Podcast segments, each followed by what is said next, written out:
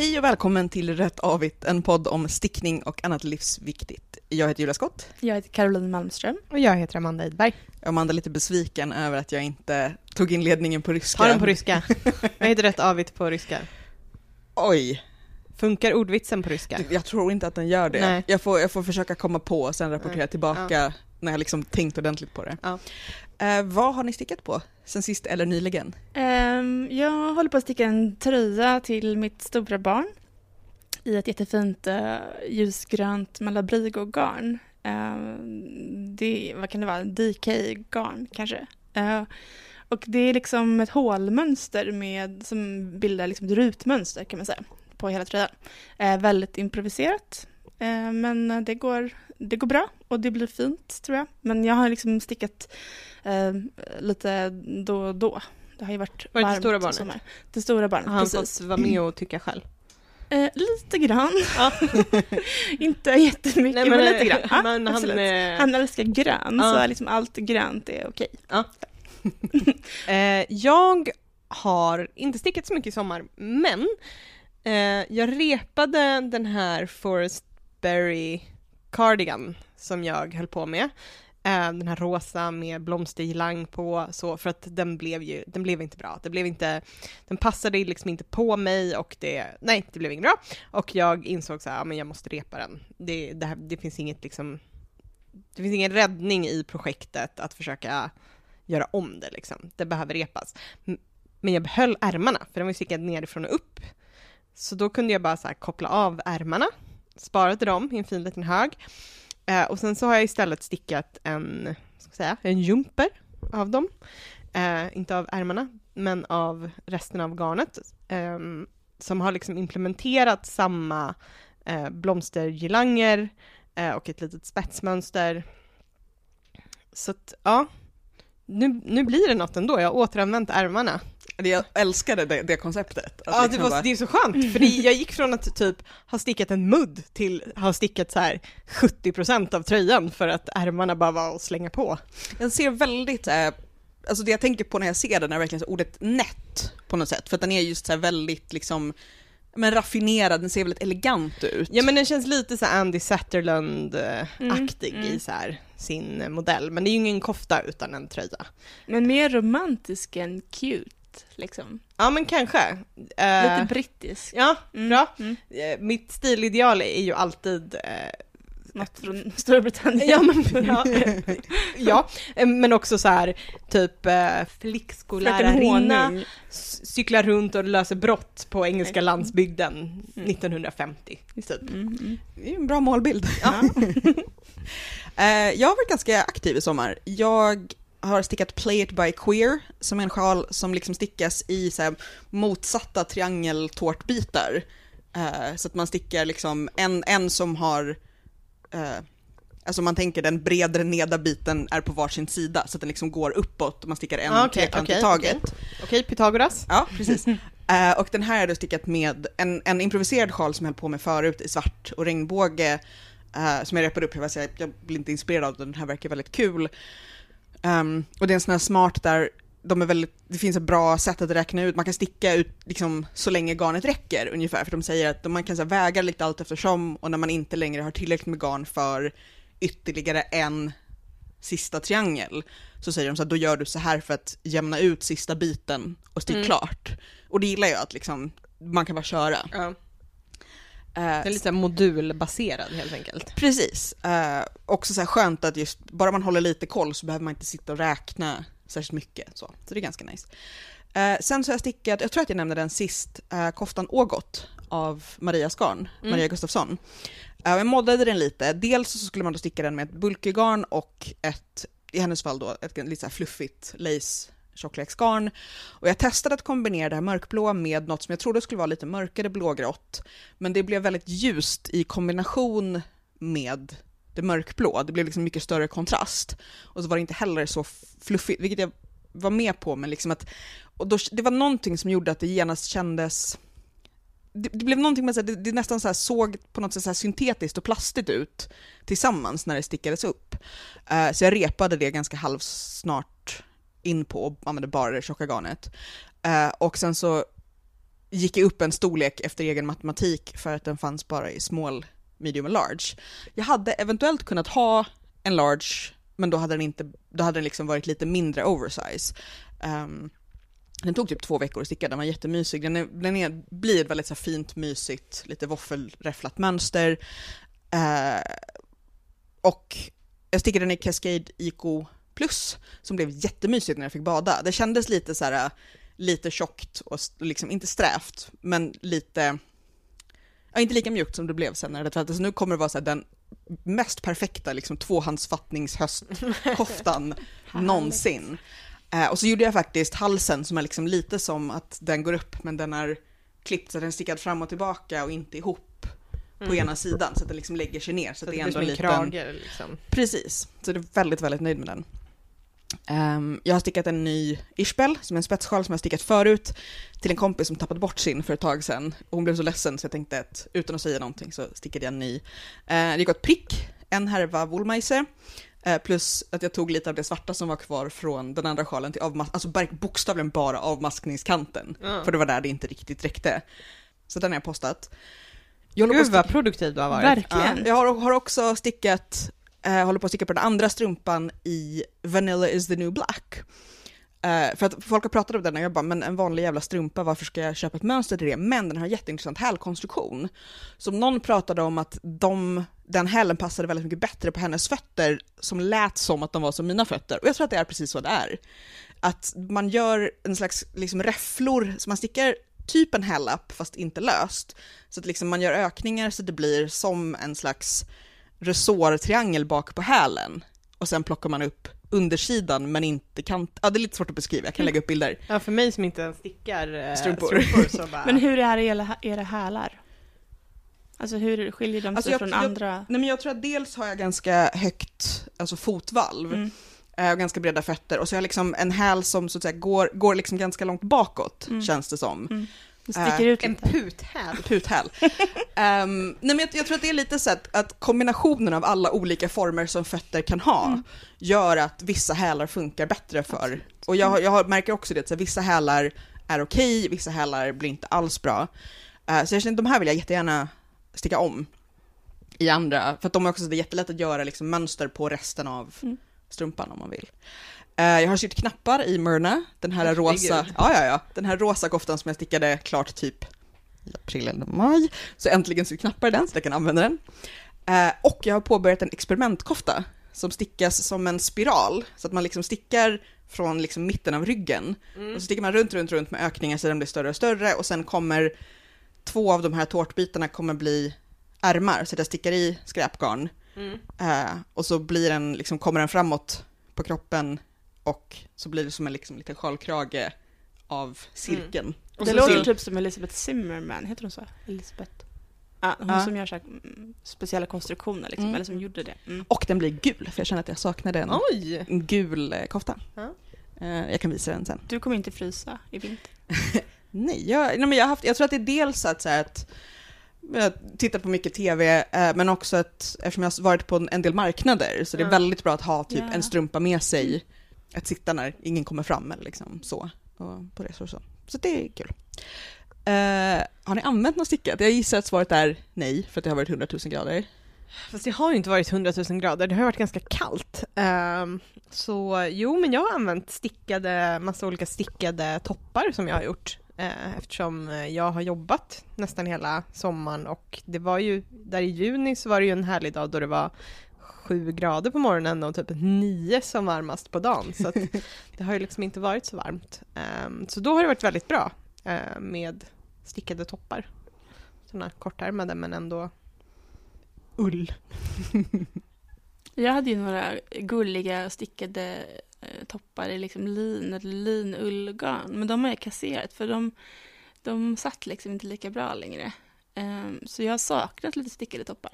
Men jag har haft liksom stickade tröjor så på kvällen när jag har gått till stallet eller när det har varit kallt eller sådär. Som vanligt. Jag har ju liksom landet-tröjorna Mm. på landet. Ja, nej men det är sant, det har varit liksom kalla perioder, just här svala kvällar och det är ganska skönt, jag blir lite som tonårstjejer när vi stör oss på ibland, man har haft så här shorts, raggsockor och en stickad tröja, Mm. För att jag fryser inte på knäna. Caroline, vad är eh, avsnittets gratismönster? Um, veckans gratismönster är ett franskt mönster som heter Pull i Bou. Oh. Som betyder typ uggletröjan. Eh, Ah, ja, min, inspirerad av ditt barn. exakt, min femåring som är så här helt besatt av eh, ugglor. Ehm, så det här är ju en tröja som han absolut skulle vilja ha. Det, det är liksom en Tarsia-tröja. Eh, det känns som att den är ganska så här... ehm, eh, som, som tröjor när vi var små, tänker Mm. jag. Liksom med så stort motiv på magen. Liksom. Mm. Ehm, men jag tänker att man skulle kunna få den fin i liksom rätt färgkombinationer.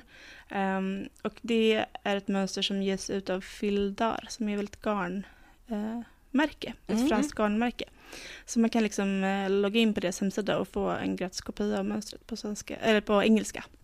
Tänker du att du ska sticka den eller? Ja, jag tänkte det, eh, men sen eh, eh, vet jag inte om jag är liksom redo för så mycket intarsia just nu. Eh, Jag gjorde ett par vantar förra året till en Secret Santa-grej. Och då broderade jag en, ugg- nej, en räv på. Men man skulle kunna göra en sån stiliserad uggla också. just det, men Eh. jag kommer inte ihåg de här, du får visa en bild sen. Mm. De För- var jättefina. Ja, för Mm. det var en tjej som bara, jag älskar rävar, typ. Så Mm. gjorde jag en räv på. Eh, för det är ganska enkelt liksom Mm. att bara göra såna vad det nu heter, dubblettstygn eller något så att det ser ut som. Precis. Ehm, så det, det skulle man ju också Det kunna kanske göra. vore enklare, för det känns som att det, det är inte så många färger och sådär. Risken med intarsia är att det blir så lite spänt liksom precis där mellan Ja, färgerna. Så. Och det funkar väl inte att sticka runt med intarsia heller, utan precis. man måste precis. tillbaka. Ja. Fast den är ju liksom stickad i raglan, så på något sätt så är den ju ändå... Eller om de är upplockade kanske. Mm. Ja. Det är, Det är väldigt fint i alla fall. sportweight eh, garn. Eh, Amanda, du ville prata om en tv-serie. Ja, alla gillar att prata om TV. Jag ska börja med att läsa upp ett meddelande som jag fick eh, häromdagen. Så här. Hallå Amanda, har du sett HBO-serien Lamps of God? Har nu suttit och sagt, borde inte Amanda Idberg gilla den här 20 gånger på raken, så nu har Andreas tvingat mig att messa dig istället. Är hur som helst en urmysig serie om tre galna nunnor och en sexy priest, lite galen, lite övernaturlig, lite romance plus deckare, men framförallt handarbetsporr. Så mycket stickning i denna serie, kanske något att nämna i Rätt Avet-podden om inte annat. Eh, och nu har jag sett tre av fyra avsnitt. Jag kan fortfarande inte spoila serien, för jag kan fortfarande inte säga exakt vad det är som händer. Eh, Du men kan det, bara säga se, eller? jag kan säga att det är, om man tycker att när, när vi var i Norge på den här liksom, stickmässan, eh, att de var besatta av ull och får och stickning, så är de här kvinnorna ännu mer besatta av får och ull och stickning. Och de har liksom gjort som en, som en egen sekt som liksom i ensamhet har avvikit från katolska kyrkan för att fokusera på På lamm. får och ull och stickning. Det är lite fantastiskt. ja. Bra tips. Eh, Eh, och det är Anne Dowd bland annat som är med i Handmaid's Tale som Ja. är en av nunnorna. Så, Mm, oj, ja, ja, då vill jag. Ja. Apropå det så har ju nu både den första liksom teaserklipp och datum släppts för tredje säsongen av The Crown. Apropå förra Ah, är det avsnittet. Som vet 17 inte jag det här? november med eh, Så Olivia långt Colman som, Ja. som dronningen. Mm. Det, det blir pepp och det blir också de här, som vi pratade om någon gång, så de här konstiga perioderna Ja, det i kommer kläder. bli så fantastiskt. Kläderna hon har på sig när eh, Charles får bli Prince of Wales, jag tror att det kommer hända den här säsongen. Alltså det är som att de har tagit en rymdhjälm och klätt in i typ, liksom någon slags ljusblå organza typ. Och du bara here for it. det är fantastiskt. Ja, nej men som sagt, förra gången så pratade vi om um, prinsessan Diana och liksom hur hon passade in i en brittisk eh, dräkthistoria. Eh, och vi fick jättemycket fin eh, feedback på det, det var jätteroligt. Ja. Att folk uppskattade en liten föreläsning. Eh, så den här gången är det min tur att göra en liten historisk föreläsning. Eh, för vi har pratat förut om att jag har insett att jag inte alls har lika bra koll på rysk stick och, och textilkultur, alltså min, min mammas arv liksom, som nordisk och europeisk, som jag ändå pratar ganska mycket om. Så då tänkte jag att jag skulle råda bot på det, både för mig och för er. Mm. Både er två i rummet och er som lyssnar. Mm. Och då tänker jag så här, först så känns det som att det här är inte på något sätt en, en liksom ursäkt eller brasklapp, utan bara att det är liksom ganska givet att precis som alla kulturer så har man i Ryssland behövt ha kläder på sig, så att det finns liksom alltid långa traditioner av typ alla former av fiber och textilarbete, av vävning, broderier, stickning, spinnande, allt sånt där.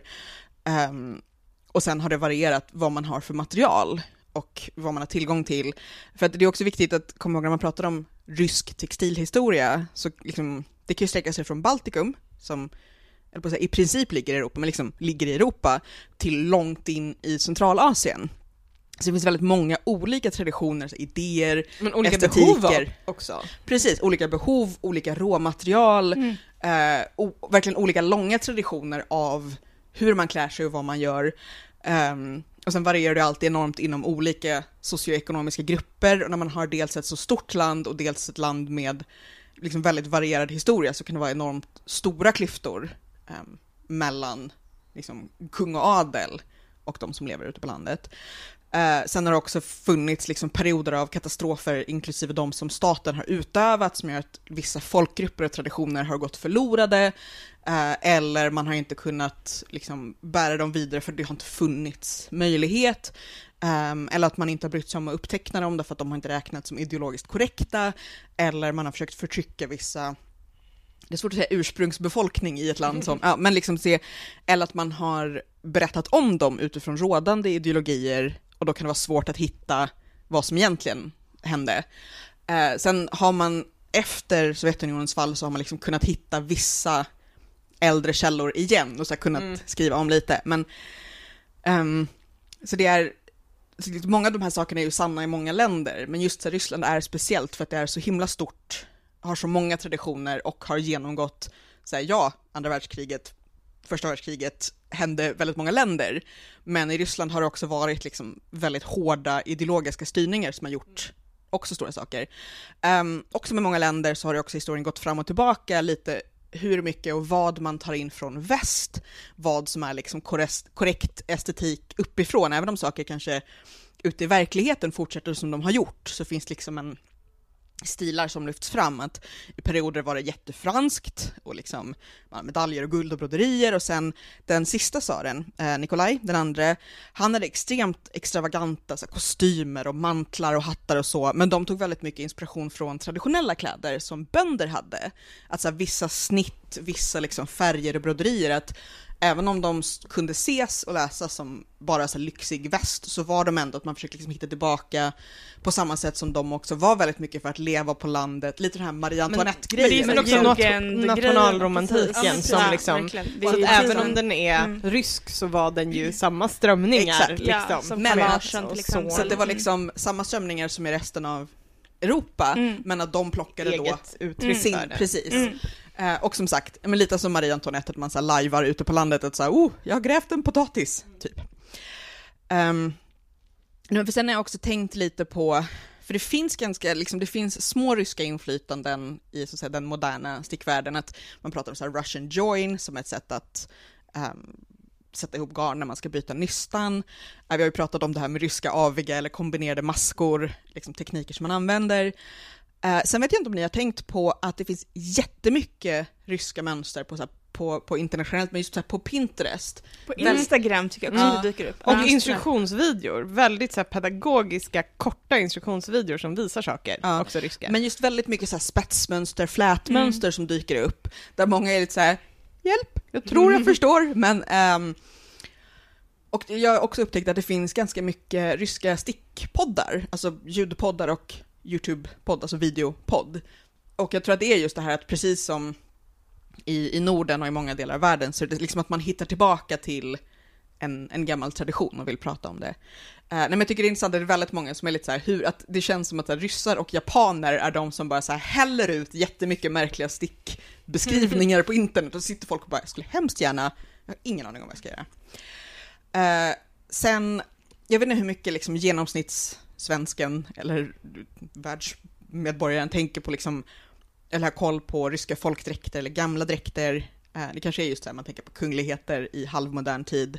Eh, men jag, jag tänker att man man tänker på små gummor också. Precis, jag tänker de här blommiga sjalarna Ja. som känns så extremt klassiska, väldigt, väldigt ryska, de här liksom stora rosor på vitt eller Mm. svart. Jag kommer återkomma lite till dem, varför de är roliga. Ehm, men du tänkte lite på, uh, vad sa du, Katarina den stora? Eh, ja, eh, eller det jag vet om Katarina den stora var att hon krävde att alla i hovet skulle ha inhemskt producerad textil. Mm. Ehm, att det var liksom för att så här, boosta den ryska produktionen och att inte liksom importera saker från typ Frankrike och Tyskland och Nederländerna och sådär. Eh, att det liksom, det beordrades att, och framförallt då rysk eh, siden, ryskt silke. Eh, vilket för mig såklart, såklart det är logiskt att det finns eh, liksom silkesmaskar i Ryssland, kanske inte på samma breddgrad där jag bor i Ryssland, men söderut i Ryssland så känns det ju helt så här, naturligtvis mm. finns det men jag hade aldrig tänkt på det innan jag liksom... Nej, och jag ska komma tillbaka lite på just så här, var man producerar mm. olika saker, vad som liksom finns och vad som har antingen så att säga importerats materialet att börja produceras eller vad man har importerat. Eh, sen vet jag inte, har ni koll på eh, Orenburg-sjalen? Nej. För det är en sån här extremt klassisk sjal. Uh, I andra delar av världen så hänvisas den ofta till som uh, vigselringssjalen, eller en wedding ring sjal. Ah, alltså att den ska vara så himla så tunn stickad. Mm. För där är då att, uh, det kommer från en viss region då, Orenburg, där det finns Orenburg-får, mm. som är, uh, eller inte får, det är en get. Um, men också, det finns får också, men just den här geten har så himla tunt garn, det är liksom tunnare än um, liksom merino och allt sånt där, så att då har man just det här siden eller silke och så ja. har man det extremt tunna, fina, mjuka getgarnet. Uh, och så stickar man liksom de här jättefina stick, uh, spetsmönstren. Det finns ett gäng olika traditionella uh, och de kan vara i lite olika former och storlekar, men hela grejen är att de ska vara väldigt, väldigt stora men ändå gå att dra igenom en vigselring mm. för att de är så himla tunna. Mm. Och då är det alltså, det här är, var också sen en, um, inte riktigt en industri, men det här var liksom någonting som vissa försörjde sig på i den regionen och sen också andra delar av Ryssland. För det är de här extremt traditionella spetsmönstren som började på typ 1700-talet. Mm. Ehm.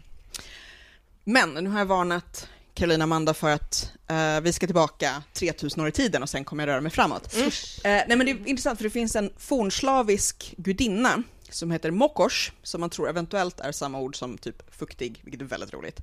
uh, nej, men de har hittat då arkeologiska spår eller bevis om dyrkan av henne och hennes liksom kult är det inte riktigt, för hon är en del av liksom en, en panteon av gudar. Uh, men man har hittat de här bevisen så pass tidigt som 700 år före modern tideräkning, alltså nästan 3000 år sedan. Vet du vart i Ryssland? Uh, väldigt stora delar av Ryssland och sen okay. även andra delar av den slaviska världen, även mm. så att det finns eh, antingen samma eller liknande gudinnor i typ i Bulgarien, mm. i liksom, nästan över hela delen, även bort liksom närmare, närmare Centralasien. Um, och sen, det här är ju en slags gudinna som man sen hittar i nästan alla former av mytologier. Mm. Men här har vi alltså då hon var um, Sen finns det också faktiskt, det finns tecken på att hon fortsatte dyrkas en bra bit in på typ 1800-talet. Mm. mm. Att, äh, trots att man då landet kristnades och allt sånt där, mm. så finns det, precis som i alla länder, man yeah. liksom så här smyg håller fast vid. Liksom. Man sätter på någon så här, en lapp där det står så här Jungfru Maria. Precis, att hon så här, Absolut. mycket av de liksom gamla grejerna, statyerna och liksom symboliken som man använde kring henne var lite som så här, ja visst visst, Jungfru Maria, som mm. du säger. Eh, men hon var liksom en av de allra främsta gudomarna inom sin trosvärld.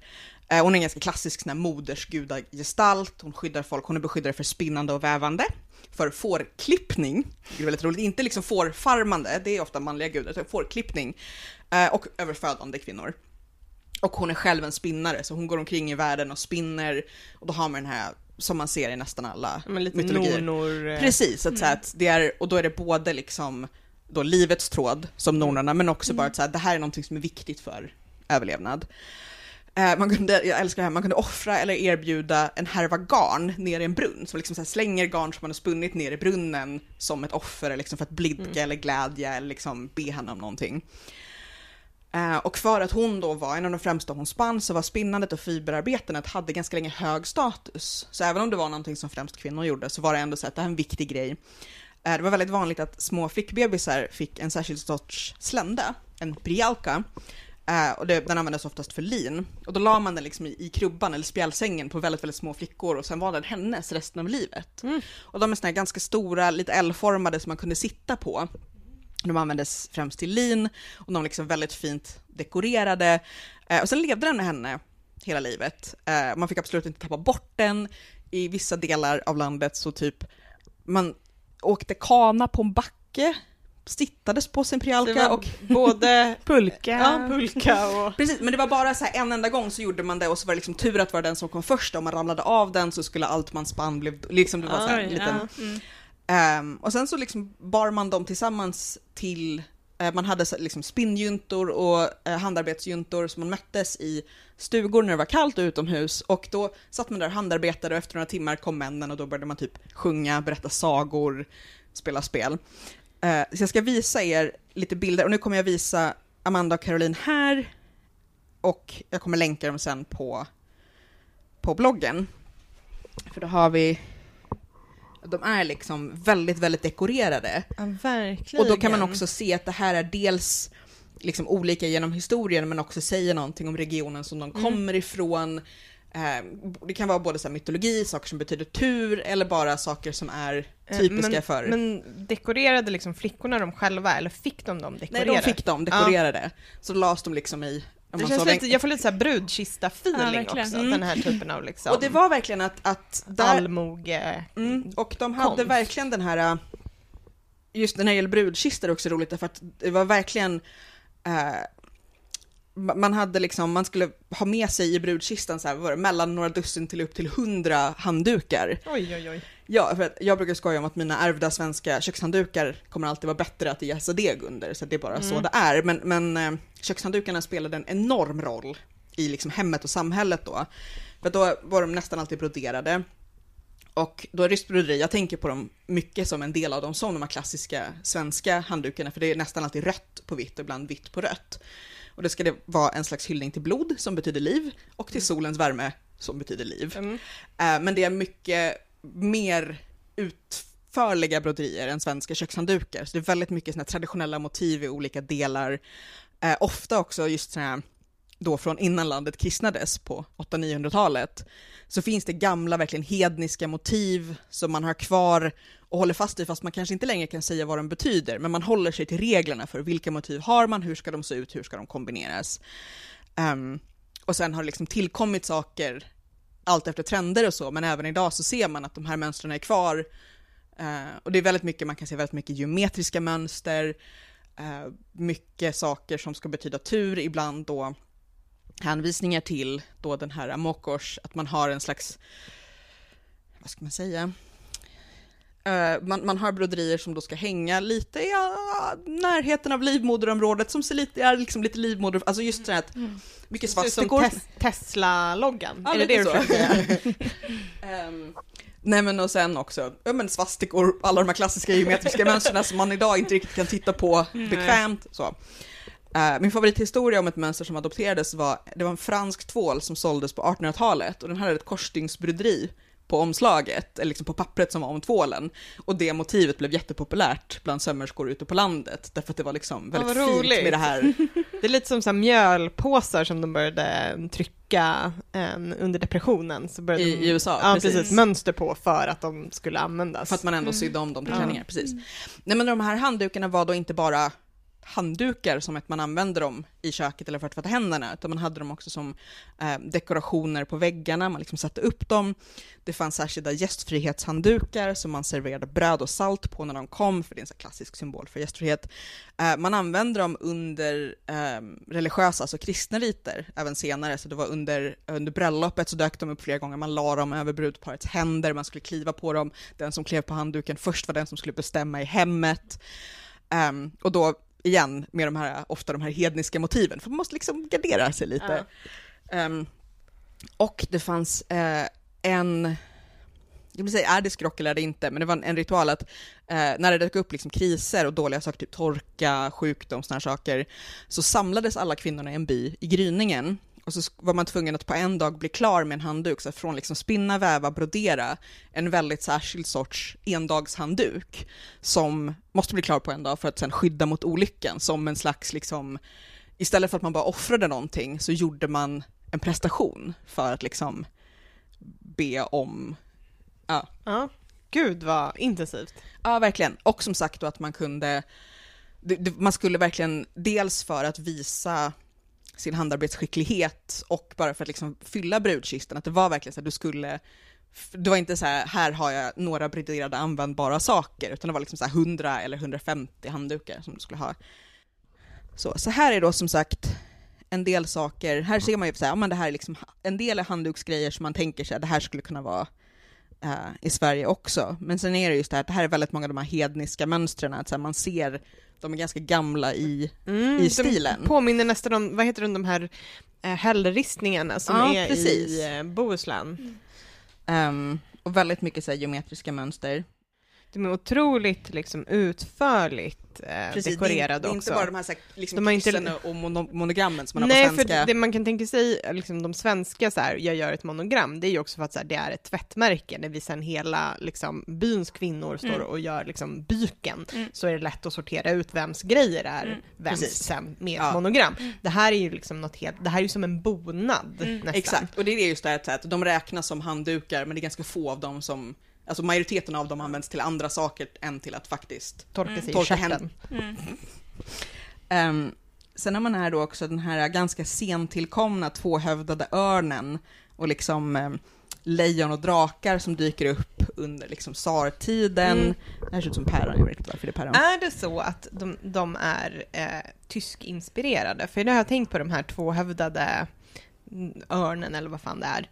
Att den känns väldigt preussisk. Alltså, jag Eller tror är det Preussen som är inspirerad av... Jag har inte stenkoll på vad som kommer varifrån. Jag tror, alltså lite är det ju att alla kungliga ätter bara hör ihop. Ja. Att man liksom plockar med sig saker och så att man börjar få idéer om så här, hur ska vapen, alltså vapensköldar Ja. se ut. Ehm, sen här kommer då de här eh, geometriska mönstren. Igen, så de är väldigt avancerade och ser väldigt olika ut. Men de är liksom väldigt fascinerande tycker jag. Men är det här så här folkkonst alltså? Eller för det känns som så extremt mycket arbete och så himla så sofistikerat, sirligt arbete liksom. Ja, nej men det här är verkligen så här, vanliga människor ute på landet, alltså Mm. det här hör till, det är så det ska vara. Eh, och jag tror inte heller att det är liksom nödvändigtvis sånt här som man säger liksom fin adelfolket, utan de gör nog mycket mer liksom traditionell västerländsk, liksom europeisk broderitradition för att det ses ofta som finare, att man liksom, alla ska hitta något annat lands traditioner om man inte är Frankrike, för då är det bara Frankrike som gäller. Men jag tänker också att här, det var ju såklart jättemörkt stora delar av året Mm. eh, i Ryssland, precis som i Sverige, att man sitter i någon liten stuga som en livegen bonde och bara, Mm. ja nej men nu, precis, nu har vi ett talgljus. Och Resten av vintern. Ja, precis. Nu broderar vi liksom stygn som är en tredjedels millimeter. Sen har man då på, redan under Peter den store, alltså 1600-tal, så eh, blir Moskva, Sankt Petersburg och Ivanova blir extremt stora producenter av textilier. Man brukar säga att Ivanova är Rysslands textila huvudstad. Eh, ibland kallas den skämtsamt för brudarnas stad, för att det så länge så var det en stor framförallt bomullsindustri och de som jobbar där är främst kvinnor. Mm. Eh, Ivanova har också kallats för lilla Manchester eftersom Manchester var Englands eh, textila huvudstad och mycket av liksom den moderna textilindustrin Mm. började där. Så Peter den store var ju då väldigt mycket för att ehm, producera framförallt då grövre tyger till flottan, Mm. som han gillade. Han men också, älskade sina båtar. precis, men också bomull och ull. Eh, och då var det framförallt väldigt mycket när de här länd, eller när de här städerna blev stora, och här väldigt länge så var det liksom handvävt. Eh, och då var det väldigt mycket tryckta färgglada tyger, mycket på bomull, lite på ull. Och de blev jättepopulära framförallt då i Centralasien. Att de blev liksom väldigt färgglada och det är väldigt många av de här mönstren som man tänker på som kanske mer ja, men Centralasien, eh, Fjärran Östern, alltså att man har de här liksom ikat-mönstren och saker. Att, men då tryckte man, eh, stora delar av Ryssland har haft väldigt mycket lin, så det var ett stort fokus på linne, eh, förstås ull, också till viss del hampa. Eh, man har också till och med använt linoljan för att trycka med, att man liksom blandar upp den med pigment och så trycker man på tygerna. Så de utvecklade ganska många olika trycktekniker istället för att Linoljefärg. Ja, Mm. istället för att väva mönster så Mm. kunde man liksom trycka väldigt mycket och väldigt färgglatt. Det finns senare finns det saker som ser ut lite som så Morris-mönster, Mm. fast ibland också med en rysk flair. Eh, Så bomull har odlats mer i Uzbekistan, Azerbajdzjan, som i perioder har varit Mm. Ryssland. Eh, Och så har man importerat, Det kanske borde ha varit brasklappen också om ja typ, vad Vad är är Ryssland? Ryssland? Mm. ja, nej men också har man importerat en del från Iran. Igen, man, man tänker inte att Iran är nära Ryssland, men det är det. Nu behöver vi inte prata så mycket mer om det. eh, nej men så att sen när Napoleon stolpade in i början av 1800-talet och brände ner Ja. Moskva. Lycka till med det, Napoleon. Ja, fast Moskva brann ju, så det blev liksom Ah, inte... jo, jo, man kan säga att han vann ett slag men inte förlorade kriget. kriget. Ja, nej men då blev det liksom lite paus i, i framstegen. Ehm, Ivanova klarade sig, men liksom Sankt Petersburg och Moskva, det, det blev lite paus där. Eh, nej men och, och det var faktiskt så att de stora industrimaskinerna inom spinn och vävande kom lite senare till Ryssland eh, än till västra Europa, men när de väl kom så var det verkligen tuta och kör, för då kunde man, de teknikerna som man hade utvecklat under handvävandet blev ju då så lätta att bara så här, göra liksom mycket större. Eh, som allt annat, men, liksom, men då importerade man mer och mer bomull från England, därför att vävarna gillade att den hade längre fibrer Mm. än den iranska och den liksom centralasiska? Asiska? Asiatiska? Asiatiska.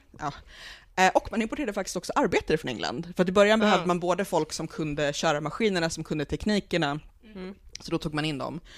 Eh, och då där på 1800-talet så började man göra väldigt mycket mer av de här, eh, då tryckta mönstren framförallt på ull, på vävd ull, och det är där de här liksom, ikoniska tryckta rosorna på sjalar och halsdukar kommer. Mm. Och då kan det vara såna här jättestora sjalar som liksom lägger över axlarna och går hela vägen ner liksom till midjan, rumpan och sånt som är mer som halsdukar.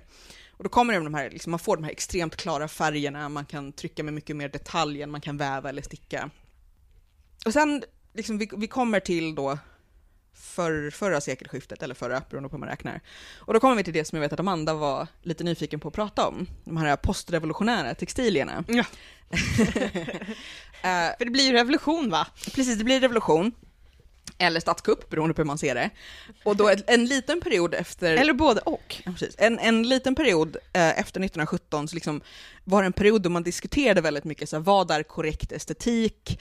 Eh, vad är rätt för folket och kampen? Vad är ett riktigt sovjetiskt mönster? Så i perioder så produceras det tyger som man bara, vi, vi kan inte trycka någonting på det här för att vi behöver tygerna. Och vi kan inte vänta på att ni ska komma fram till vad som är liksom rätt mönster. Det, så här, det var en rolig detalj tycker jag. Nej, men så då har man då de här postrevolutionära textilierna. Och Då har man lite två grenar av det som också är samma som det som händer i, i konsten i stort. Och då har man det eh, suprematistiska. Mm.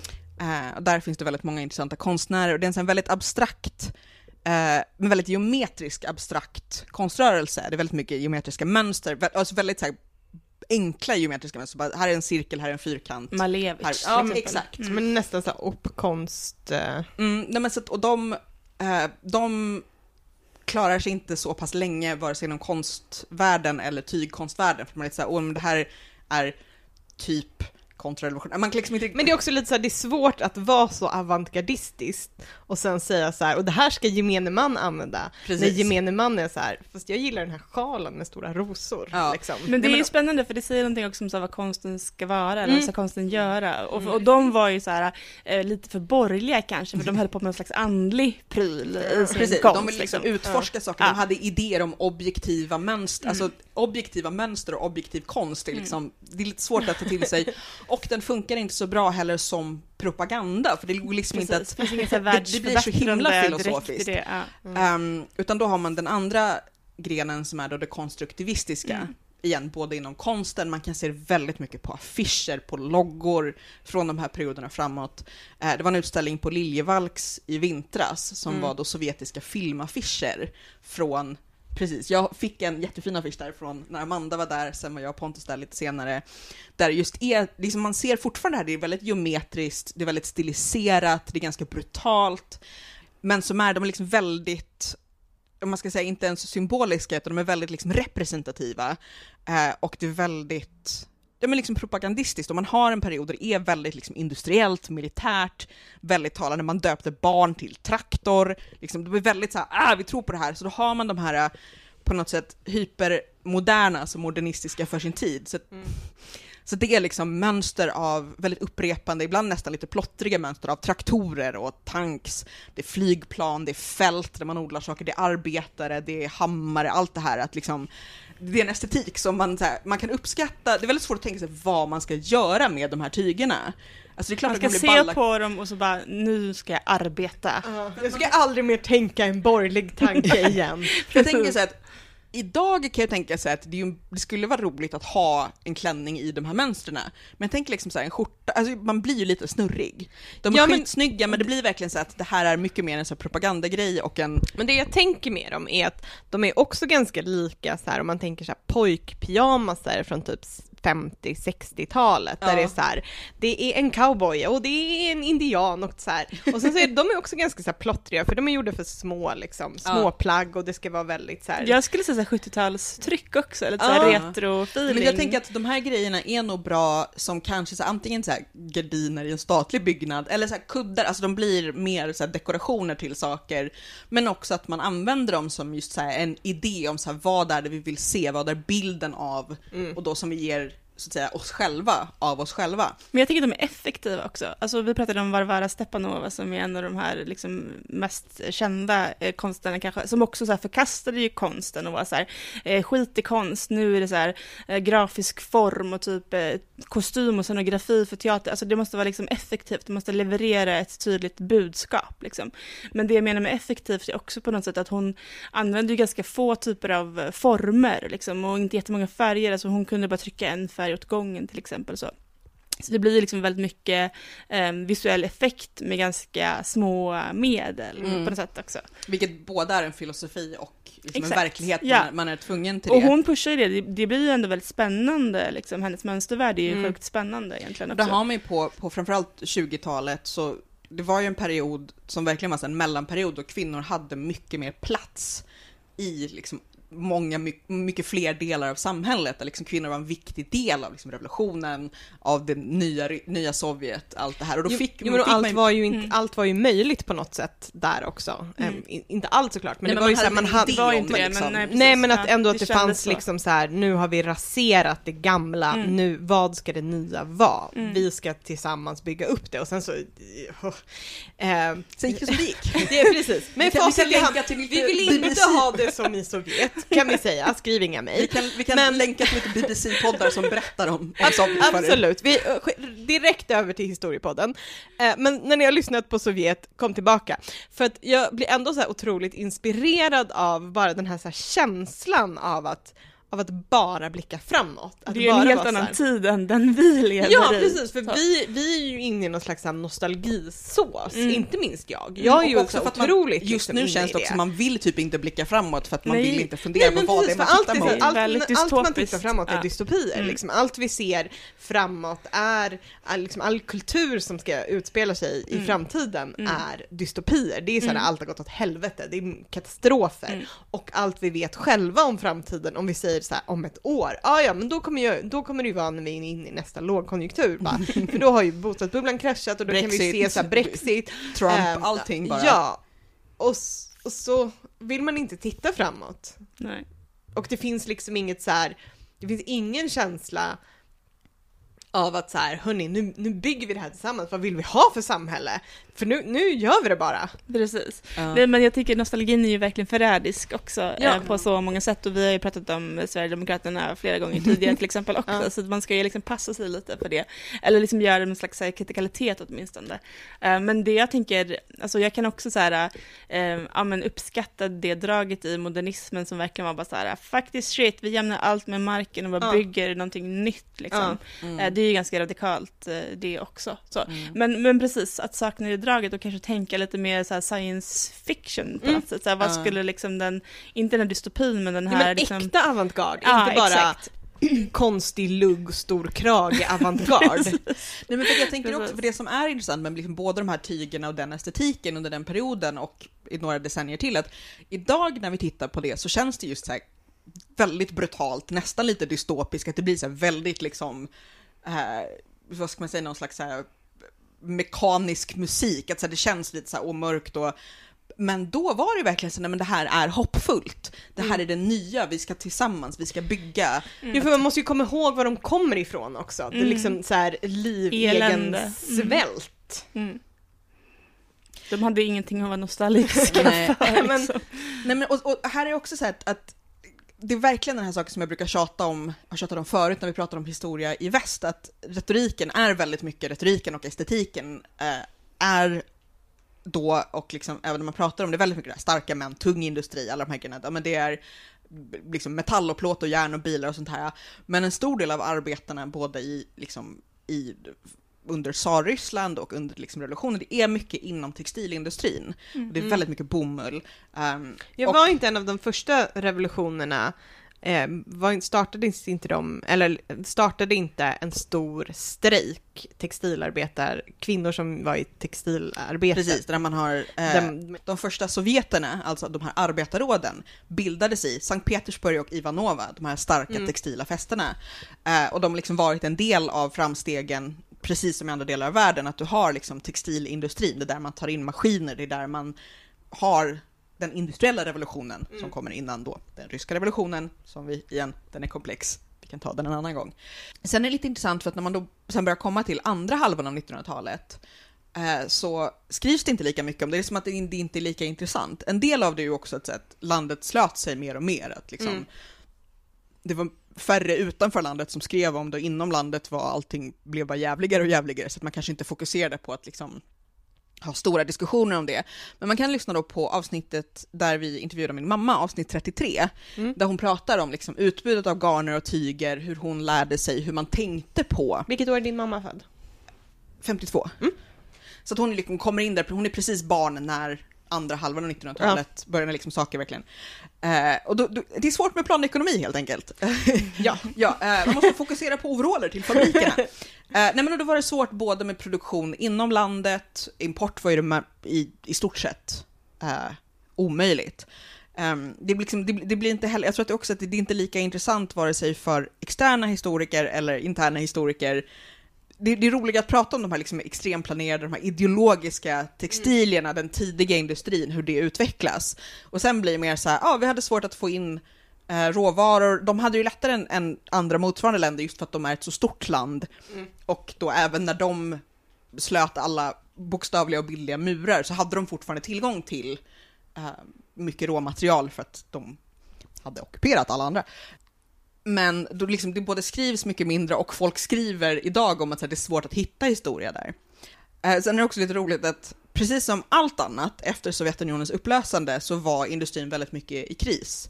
Därför att den hade antingen då underhållits med hjälp av olika former av planekonomi, man kunde Mm. liksom lova vissa produktioner, men sen också att man förlorade vissa av länderna som hade varit råmaterialkällan. Mm. Men nu de senaste, senaste decenniet eller så, så har den liksom, stora ryska textilindustrin börjat hämta sig igen. Mm. Och lite som vi pratade om, det liksom kommer mer poddar, det blir de här diskussionerna som vi i väst också har om textil, om handarbete, om liksom de grejerna. Att den börjar ta sig igen.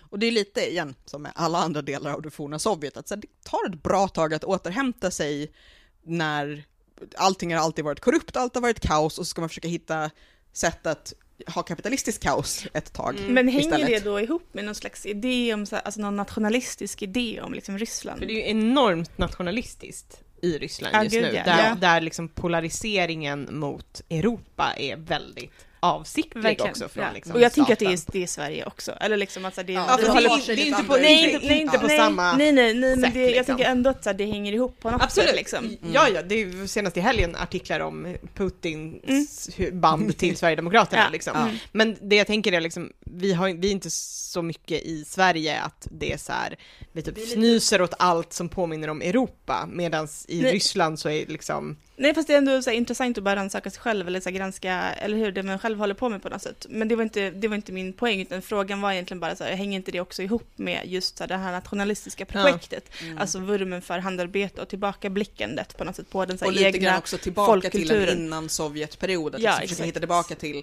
Vissa är ju nostalgiska för Sovjetperioden för de är lite den här, då fick man i alla fall sin pension. Mm. Och vissa försöker se ytterligare innan det. Mm. Jag tror att lite där finns det lite det har olika... väl inte funnits någon riktig liksom bra tid för Ryssland heller. Alltså, Om man är rik typ. Men Ja, ja, Jo, jo, men det är ju Ja. alltid en bra tid att vara rik om det inte är mitt under liksom, om du inte står där och möter Robespierre där han står och putsar på en giljotin. Alla andra tider, bra att vara rik. Nej, det har, det har liksom varit svårt med, med riktigt bra tider. Det var ju en liten, liten period på typ så här. Svårt med bra tid Ja, men det var nå, Ryssland. några år åt gången, typ så här, lite 70-talet, där man var lite så här, försökte med grejer och lite så här, perestrojka, glasnost och sen bara, Ja. Ja. nu sket sig. Mm. Um, men jag tror att det finns lite olika strömningar. Det finns dels just den här nationalromantiken som just är en del i det nationalistiska projektet. Mm. Som, det är ju problematiskt. Sen tror jag att det finns den liksom nationalromantiska där det mer kanske är bara just så här att det är fritt att utforska delar av historien som Ja. man inte har fått prata om. Ja. Mm. Eh, att, och det finns också, Men det liksom, hänger väl ändå ihop och gör man det liksom utan kritik så kan det väl vara problematiskt. Absolut, men, men jag tänker att den ena är verkligen så här uttalat nationalistisk Mm. och den andra är mer lite så här... äh, Smyg. Har de här, ja, men, att, I alla fall inte medvetet, äh, alltså liksom aktivt, som, att, som du säger, den kan bli svår om man inte tittar närmare på det, men där det kanske, i alla fall vad man tänker sig, att det handlar mer om att säga att jag, jag är nyfiken på Mm, mm, den här historien. Mm. Eh, och där det också finns liksom väldigt mycket så att både historiker men framförallt så här, tanter som försöker, upp, som kanske kontinuerligt hela tiden har uppehållit en så familjetradition eller en lokal Mm, tradition mm. av att väva för hand, använda gamla tekniker. Mm. Och som nu uppmärksammas för att det är så här, just det, den här 80-åriga tanten, vi måste dels prata med henne, lära oss de här grejerna för att liksom, hon är en av de sista, de här grejerna, den här stadens traditioner kommer dö Mm. med Mm. henne. I vissa fall är de väl kanske närmare hundra till och med. Ehm, och sen tror jag att det finns en till gren som är så här, lite som bara så här handarbetare generellt över hela världen. Att man är så här, åh det är nice, vi hittar, det är nice med handarbete. Och utifrån det så diskuterar vi handarbete också lite så här högt och lågt. Man kanske diskuterar material eller tekniker och man kanske diskuterar historiska, liksom, historia kritiskt som vi gör ibland.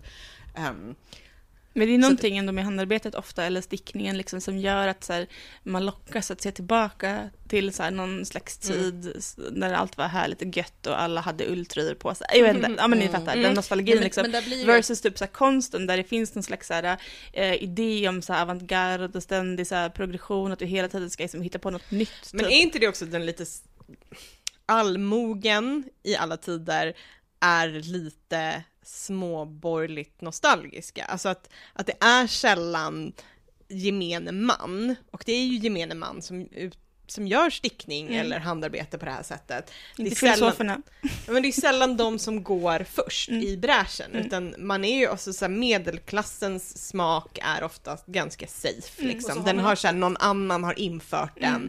och efter För liksom, ganska länge sedan. Ja, Mm. för ganska länge sedan eller bara så här, för liksom fem år sedan dök de här grejerna upp och då tyckte folk så här, vad konstigt det här ser ut, så här, ska man ha ord på väggarna? Det var spännande typ. Och sen så så här, eh, ja men trickle down economy fast inom liksom. Absolut. estetik och Och smak. det är ju också, det är ju väldigt ofta så här romantiserande i ordets alla bemärkelser. Att man inte, man liksom ser tillbaka på en period som inte var så att säga ens egen historia och man romantiserar hur det ser ut. Att det blir lite det här att man vill få lajva bonde på landet, men inte gå upp klockan fyra på morgonen, lukta gös, liksom att Ja. så här, alla kläderna är lappade för att man måste använda dem, utan man är mer såhär, åh fisketröja. Liksom, alltså den, Mm. den grejen, att så här, man ser på en annan klass än sin egen och sen också målar man upp en mycket rosigare bild Mm. av det. Mm. Eh, att liksom om vi tänker att, ja men, jag vet inte, Saltkråkan, så är det också så här, okej men var kommer de stickade grejerna ifrån? De kommer liksom Ja, och det är ju inte heller en riktig fiskefamilj i Saltkråkan, Nej, utan precis. det är ju en författare från Bromma. Exakt, men det är det jag menar, att, så att man, man liksom så här bygger alla de här lagren av så här, vad är det vi är ute efter? Jo men vi, igen man kommer tillbaka till så här, vi ska lajva fåraherde, att det är liksom något helt annat man är ute efter. Men jag hade en annan fråga om Ryssland idag, eh, som du kanske inte kan svara på. Men hur är det med så här, import, eh, export? Eh, För de, jag vet ju att de inte får ta in ost till exempel, Mm. eh, från min vän som eh, jobbar i. Ryssland och därmed tar med sig ost i liksom, handbagaget varje Han gång smugglar. åker. Ja, men till sig själv typ. Eh, nej men att, att det, de får inte importera, det är väldigt eh, strikt importförbud på olika grejer. Mm. Och jag tänker hur är det med sånt, så textil, mode? ehm, Alltså jag har inte jättebra koll. Det jag kan säga är att som sagt, man hade, det var ju väldigt hårda regler under en stor del av liksom de, gud, när jag börjar tänka på så här 70-talet, det är 40 år sedan så måste jag liksom, det är snart 50 år sedan, måste lägga mig ner. Nej men att man hade alla de här liksom, det blir ju som ett skämt man pratar om så att importera jeans för att så att det kanske fanns liksom ett par jeans på tio vänner som fick Ja. dela med sig av dem som så här, Sisterhood of traveling pants. Ehm, och det var ju både för liksom, importregler, eh, blockader från andra länder samt idéer om så här, vi ska inte ha... Någon behövde känna någon som var i Östtyskland som Ja. kände någon som Men promenerade från Berlin. Men också idéer om att så här, vi ska inte uppmuntra till de här liksom, kontrarevolutionära amerikanska idéerna om jeans. Byxor. Ja. Eh, så jag, jag tror inte att liksom att, att jag, jag misstänker, och vi kan hitta lite artiklar och länka till, men jag tror inte att liksom kläder är en av grejerna som man bryr sig så mycket om idag. Och det tror jag beror på just det här att man liksom inte tänkt på textilier som en viktig ideologisk grej Nej. längre, ganska länge. Vilket ju är intressant eftersom allt vi har pratat om är ju hur mycket ideologi Exakt. och liksom hur mycket kultur som ligger i den här Ja. textilen. Men det är ju det, liksom, det textila, det är det man, man glömmer bort det väldigt snabbt. Ja. Att, så här, att man är så här, det är manliga grejer som räknas, det Ja. är plåt och stål. Och man är så här, men ni har jättemycket lin och hampa och ull. Mm. Det är ofta en mycket större del. Eh, så att jag, jag tror inte att det är liksom lite, och det tror jag igen beror på det här när liksom planekonomi och lokala industrier, inhemska industrier kollapsar. Så efter Sovjetunionens fall så var det lite så här, men vi behöver, liksom, om, om pengarna finns så behöver vi eh, vi behöver material, vi behöver kläder. Ja. Och så antingen så löser man det genom mutor och lite smuggling, eller så bara släpper man på. Jag känner att så här, det, det sitter säkert någon statsvetare och bara skriker eh, in i sin telefon just nu. Eh, och som sagt, nu, nu spekulerar jag lite utifrån det lilla jag vet. Ja. Men som sagt, vi kan hitta artiklar om vilka grejer som det är Någon lista på vad man in inte i- får importera till Ryssland. och sen, sen kan jag tänka mig att det också är att just att igen, nu är Ryssland något helt annat än Ryssland var för 50 år sedan och för 100 år sedan, Mm. rent geografiskt bara. Mm. Och då kan jag också tänka mig att det kanske är så att det inte är samma slags tull och importregler för forna Sovjetländer, så man kanske fortfarande är så att, men vi Nej, har jättemycket här bomull från EU Uzbek- liksom. Ja. Som Nej men de- också att man har så här, vi har jättemycket bomull från Uzbekistan så att vi kan ha en, om man tänker då att textilindustrin har hämtat sig de senaste Mm. 10-15 Mm. åren, så kanske det också är så att det, finns produktion och det finns liksom eh, möjlighet att producera inhemskt. Men sen tänker jag att, så att alla köper billiga liksom Kina och Indonesien Ja. sydda t-shirtar Alla beställer saker från liksom. Wish liksom. Ja nej, men att säga att H&M och väldigt många västerländska Ikea stora, är väl jättestort i Ja, Ryssland? är men de har inte så mycket kläder. Nej, nej, men textil. Ja, nej men jag menar att, Ja. att ehm, väldigt många av liksom samma butiker som du hittar i vilken stad Ja. som helst i världen finns även i, ehm, i Ryssland. Jag tänkte på en annan sak som Ja. inte är textil, men som är väldigt adjacent och väldigt ryskt. Päls Ja. är ju ändå liksom, det känns som en så här urrysk grej. Eh, som när man tänker så här, hur ser en ryss ut? Som har pälsmössa. Ja, för att man ser så här Röda armén liksom marschera fram i pälsmössa till exempel.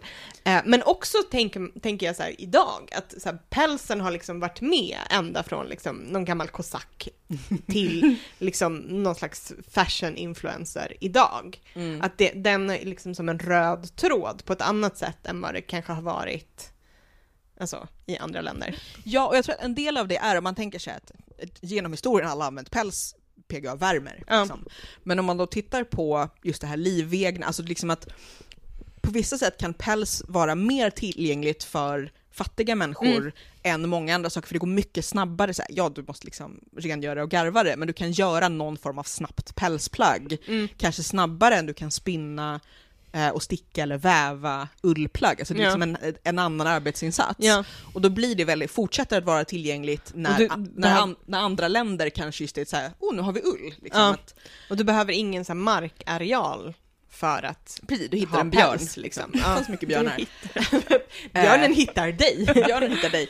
Och också att man kan liksom använda så många olika delar av det, man kan göra vantar, man kan göra Eh, en sak som är lite rolig, att just också så här, i många fattiga delar av Ryssland så hade man såna här flätade barktofflor, alltså björkbarkstofflor, näver, Näver. nävertofflor, Ja, mm. som man har haft i hela världen genom hela Åh, historien. idag har jag gått på Tradera för att försöka hitta näverväskor. Ja.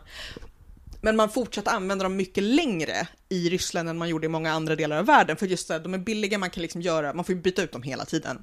Och um, lapki som är då vad man kallar de här, det också sen blir liksom slang för någonting som är skräp, därför att de slits ut så mycket, eller Mm. ibland för människor som är liksom lite korkade, för att Mm. man gör dem. Men de var billiga att producera, man kunde fylla dem med liksom halm för att hålla värmen, Mm. hålla det torrt och sådär. Eh, Jo, nej men päls att man kan göra liksom så mycket olika saker av. Man kan äta björnen, man kan använda alla bitar av den. Eh, och sen när det samtidigt och senare även blir den här statussymbolen, Mm. Att liksom rätt sorts päls och rätt sorts Mm. eh, plagg, att, att det håller man liksom fast vid, att då, får du kombinationen av så det praktiska och statusmarkören. De här traditionella pälsmössorna som, min pappa hade ett gäng av dem som han köpte när han var i Moskva i omgångar, eh, de kallas ju för björnsnippor. Mm. Det är väldigt roligt. Och det är ju såna här som är liksom en stor rund pälsmössa och så har den öronlappar som Ja. knyts ovanpå och sen kan man vika ner dem. Ja. Eh, jag har också haft sådana i omgångar. Det är liksom, eh, och jag, jag kan liksom inte riktigt säga varför de har blivit det som har fastnat. Alltså de är ju väldigt effektiva. Eh, jag vet inte om det är att, att liksom björn är som vissa andra former av päls. Jag tror det att den är lite bättre på att inte ta frost, så du kan liksom ha den runt ansiktet. Inte lika bra som, jag tror det är räv och fjällräv som är de här som verkligen så att det blir inte kallt, eller det blir inte, vad heter det, liksom rymdfrost när du andas, så att Mm. liksom din kondensen från din andedräkt nu spekulerar jag igen, jag tror, jag har för mig, jag minns att det är Perfekt så. för glasögonbärare, det är det du säger. Eh, nej men så jag kan liksom inte riktigt säga så här, varför de var en grej som fastnade. Så det är traditionellt man tycker om dem Ja. och de har, har väl kunnat fortsätta produceras även under liksom Sovjetperiod. Så här, för jag, man får ut ganska många mössor av en björn. Björn är Ja. väldigt mycket större djur än man tänker på ibland. Eh, nej men och sen har det fortsatt liksom att man har den här idén om sen rika ryssar, nyrika, Mm. postsovjetryssar, att Oligarken. oligarker, att man har liksom den här idén om så här riktigt lyxig päls. Att här, det är en, en estetik som blev kvar, tror jag, längre än i många Mm. andra delar av världen och att man kanske inte heller hade haft av lätt insedda skäl så att man kanske inte brytt sig om att diskutera liksom djurrättsfrågor på 80-talet i Sovjet, för då hade man andra saker att prata om. Att liksom, där var det inte direkt så här slänga blod på tanter utanför eh, motsvarigheten till NK. Eller Man i, kunde i inte Beverly bränna Hills. ner McDonalds, för det fanns inte McDonalds. Precis, alltså man hade ganska andra saker att diskutera, så då tänker jag mig att liksom, den diskussionen kommer mycket senare Mm. i liksom ett postsovjetiskt Ryssland. Eh, nu känner jag att här, min, min hjärna liksom kokar, för jag tycker också att det här är himla spännande. Eh, så att vi kanske börjar runda av, ehm, och som sagt, jag kommer försöka länka till ett gäng av de olika artiklar som jag har utgått ifrån, för jag ska inte påstå att här, det här var bara saker som jag visste, utan eh, jag har försökt sätta ihop det på ett sätt så att man kanske förstår ehm, processen. Det här är ungefär kanske 40-50 olika källor jag har suttit Mm. med. Men jag kan länka till några av dem som är roligast och också försöka länka till många av de här bilderna som jag har visat Amanda Mm. Karolin Det är ett här. litet bildspel. Och som sagt, de saker som jag har försökt fantisera fritt om utifrån era frågor eh, kommer jag försöka hitta kanske också artiklar som svarar Som bättre. stödjer dig.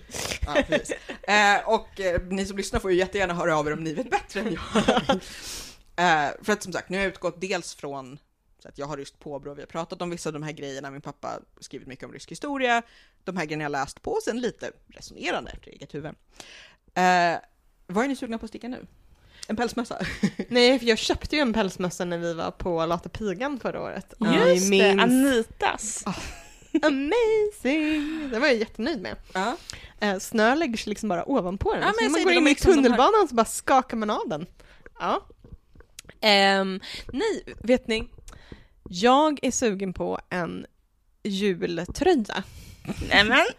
Men det kanske är dags att börja nu. Ja, så nu håller jag på så här, för jag är lite sugen på en som kanske inte är ren jultematiskt utan lite så här vinter. Så Mm. att den har lite längre liksom. Är den röd ändå Nej, eller? ja, men röd, vit och blå tänkte jag. Lite Eh, ryskt. Lite franskt? Ja, lite amerikanskt, engelskt, holländskt. Eh, nej men så jag är lite inne på att jag ska... Men Eh, det är ingen så här konstruktivistisk eh, Varvara Stepanova? alltså nu eh, blir man ju lite sugen. Eller hur? Eh, men... ehm, Traktorer över Ja. hela. Ja, det finns ju mycket color Inte så charts juligt. för, för traktorer. Nej, jag tänker mig mer kanske något så här lite snöflingor-aktigt. eh.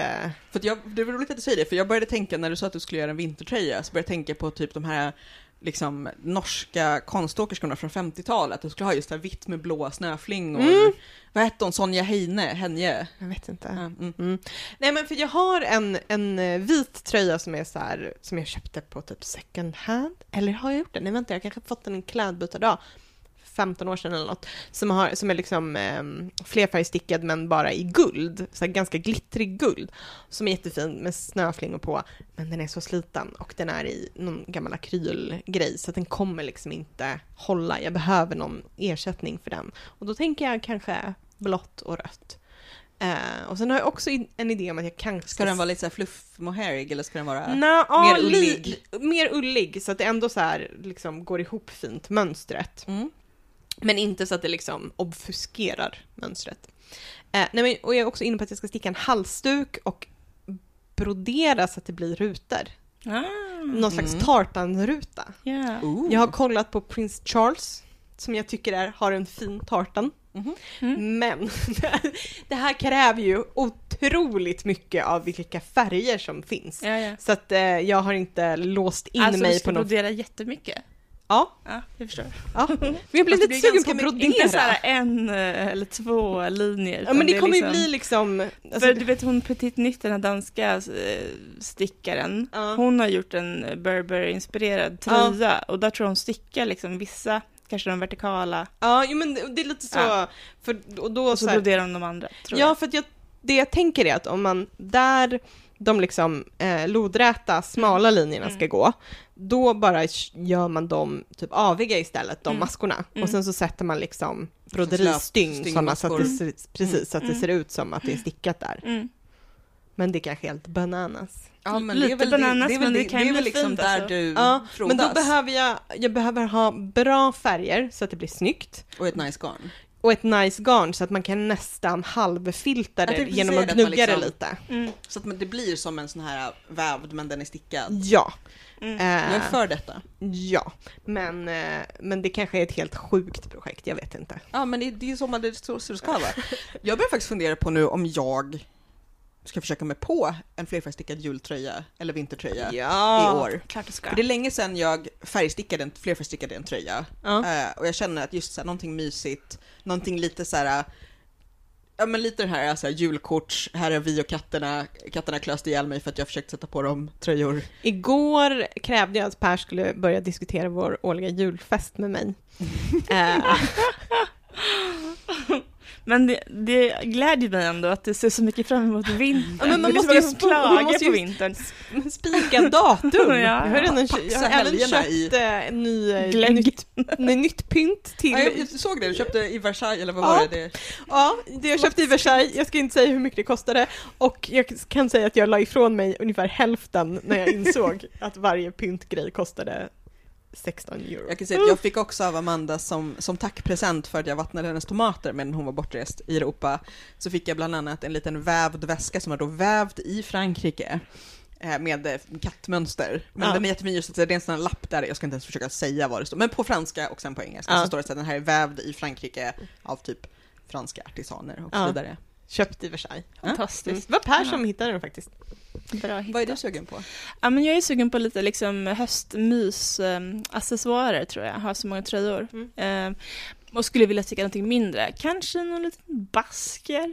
Jag var också lite sugen på en basker. Hur? Så Mm. började jag fundera på, hur gör man det egentligen? Nej, men det jag, tror jag är ganska enkelt. jag tror att man ska lägga en tallrik i. Precis. Ja, man blockar den över en tallrik. Måste man hitta en tallrik som är lika stort som mitt huvud.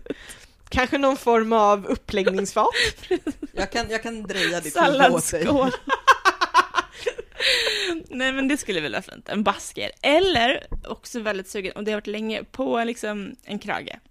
Mm. Kanske inte en sån där jättefin, men ändå tillräckligt fin för att det ska vara liksom lite nätt och ligga lite så här fint. Ja. Ehm, kanske en lös krage, kanske sitter Eller den fast på en tröja. Jag har så många i min Amazon-korg just nu. Ja, jag bara, vad har du i din Amazon-korg alltså? Men jag har några i mitt hem också. Ja. Jag har ju sytt en blus Ja, där Mhm. jag liksom Just det. hade en Mm. eh, appli- app- appliqué-krage. Jag Mm. har några sådana Mm, mm, hemma också. Mm. Jag är lite sugen på, för att jag har ju sytt en till sån här ähm, klänning. klänning Mm. i tunnare lin, den är Mm. jätteskön, jättefin. Eh, men jag är också sugen på att just så här, sy lite fler klänningar, just så ha antingen löstagbara eller lite så här, mer krag. Ja men li- någonstans så här Wednesday Adams, eh, Mm. Alice i Underlandet Mm, mm. känsla, det är två lite olika känslor men ni förstår vad jag menar. Mm, men det Jag vill ha någon mer så här lite, vad heter det, alltså inte sjömans men som är Peter Pan, Nej, Nej, inte lite Peter Pan, mer utan mer.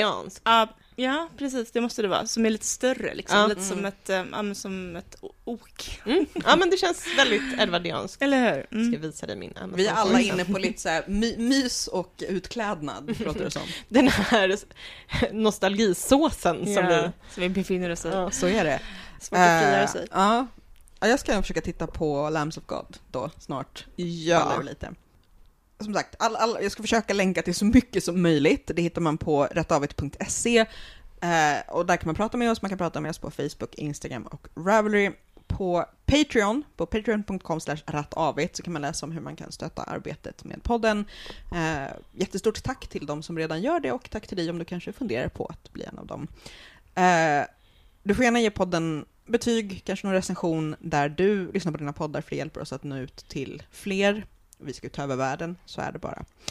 Eh, vi hörs någon gång igen i höst, vilket är om typ två veckor för Sverige. Eh, ha det fint, Hej då! Hej då! До свидания!